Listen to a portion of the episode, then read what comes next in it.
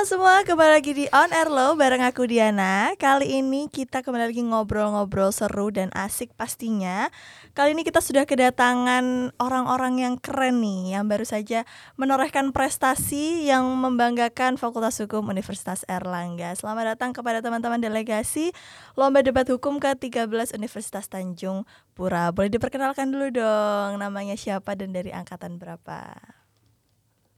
Halo selamat siang pendengar, perkenalin aku Rindang dari Angkatan 2020 Aku Karin dari Angkatan 2022 Oke, mungkin ada teman-teman delegasinya ini yang belum bisa hadir pada hari ini, boleh diperkenalkan juga?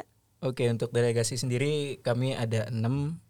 Itu ada Taskia dan Anik dari Angkatan 20 Terus ada Septi sama Cahyaning dari Angkatan 2021 Jadi untuk delegasi ini ngeblend lah dari angkatan 2020 sampai angkatan 2022, yang termuda. Oke.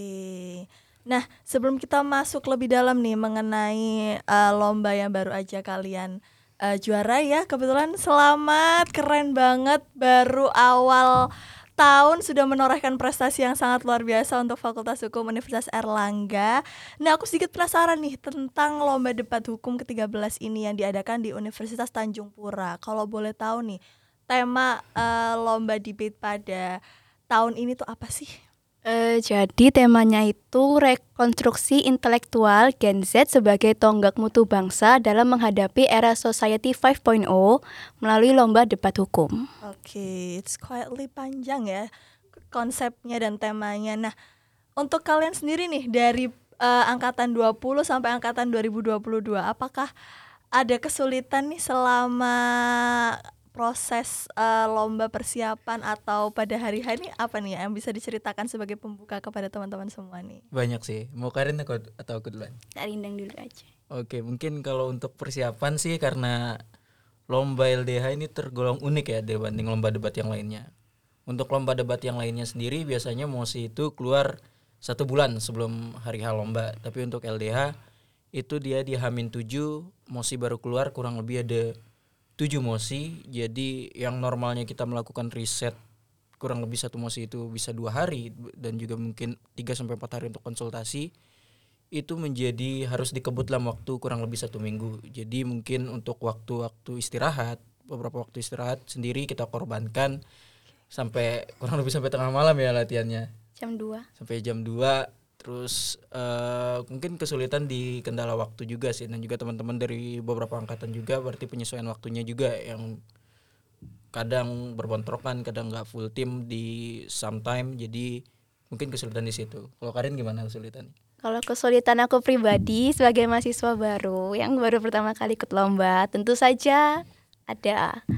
Jadi kayak pas dikasih mosi-mosinya itu kayak bingung gitu ya gimana cara risetnya kan masih baru jadi kayak nggak tahu apa apa nggak tahu semuanya ya udah gitu aja sih kesulitannya Oke, jadi tadi uh, tujuh mosi dalam waktu tujuh hari ya? Satu minggu. Satu minggu aja sebelum lomba, pasti keteteran banget ya, pasti ngebut-ngebut banget gitu ya. Lebih ngebut, ngebut nah, banget. aku penasaran nih dari Karin nih, kan uh, anak 2022 ya, tahun 2022 versus nih Mas Rindang yang udah 2020 maksudnya kita bisa bilang udah lebih lama ya di Eva nah Karin ini sempet gak sih ngerasa kayak panik shock? Ini lomba pertama Karin atau mungkin udah beberapa kali ikut lomba?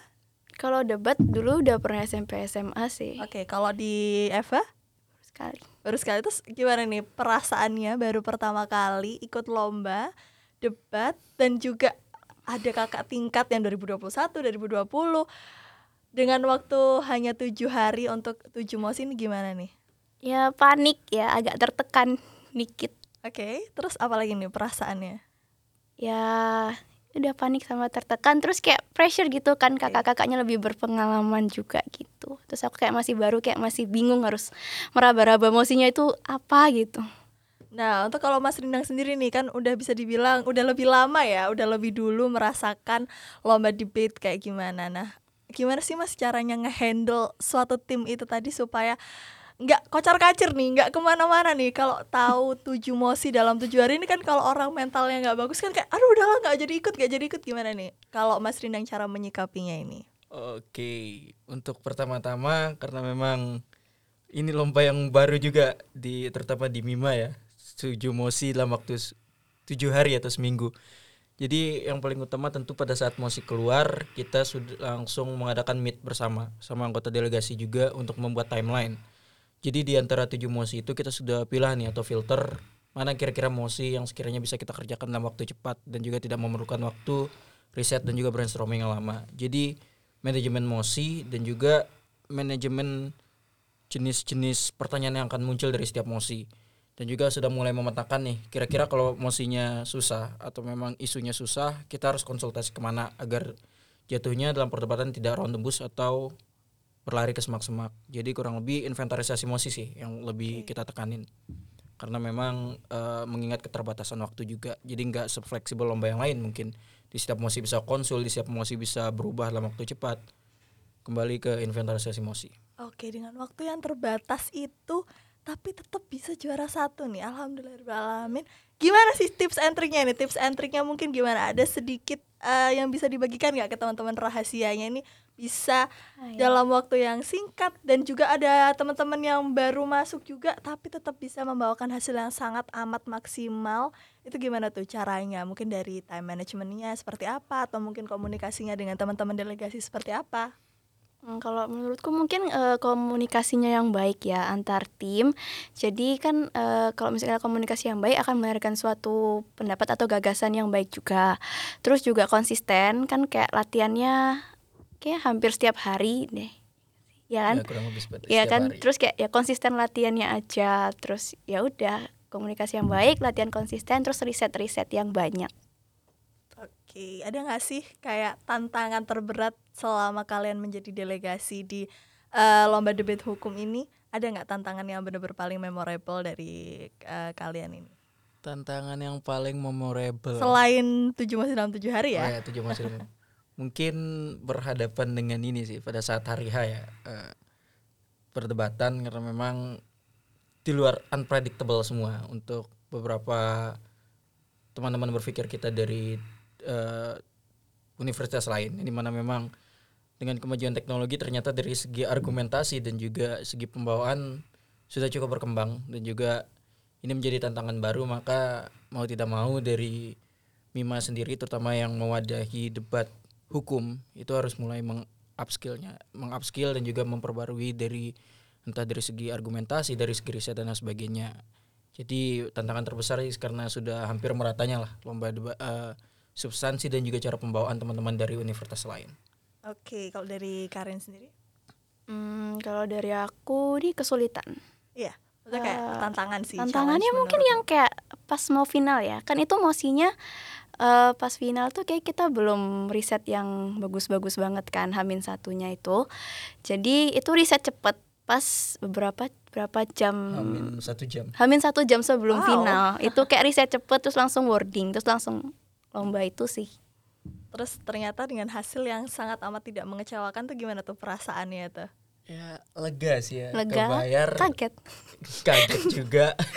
Gak nyangka karena memang dalam waktu tiga hari hamin tiga hari kita cuma tidur dua jam atau tiga jam sehari? Tiga jam. Tiga jam. Sehari ya? tiga jam sehari Jadi sangat amat worth it dan memuaskan banget dengan Sangat perjuangan yang sebegitu keras dan sebegitu beratnya ya. Nah, tadi kan sempat dibahas nih Karin dari angkatan 2022 dan Mas Rindang dari angkatan 2020. Nah, untuk pemilihan delegasi ini seperti apa sih kalau boleh tahu nih dalam eh, tim kali ini?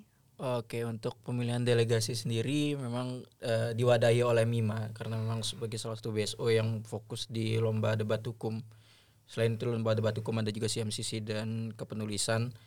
Jadi untuk penentuan delegasi sendiri kita dari Mima sendiri melakukan namanya namanya oprek atau open recruitment delegasi dan juga di mana di oprek tersebut tentu ada judges atau juga panelis-panelis yang akan menilai dari peserta-peserta yang daftar oprek. Jadi yang dilihat dari segi pembagian kemerataan baik itu kemampuan dia meriset, kemampuan dia untuk mengolah argumentasi, bernarasi. Jadi eh, untuk penentuannya diserahkan di panelis dan juga judges Mima yang tentunya sudah berpengalaman dan juga memiliki eh, kriteria kriteria dalam penentuan suatu delegasi yang ideal lah. Jadi tidak melihat eh, angkatan tua, angkatan muda, tapi memang murni dari segi kualitas. Oke, jadi dari uh, proses open recruitment ya, dari proses open recruitment sampai akhirnya terbentuk sebagai uh, delegasi itu waktunya kurang lebih berapa lama ya?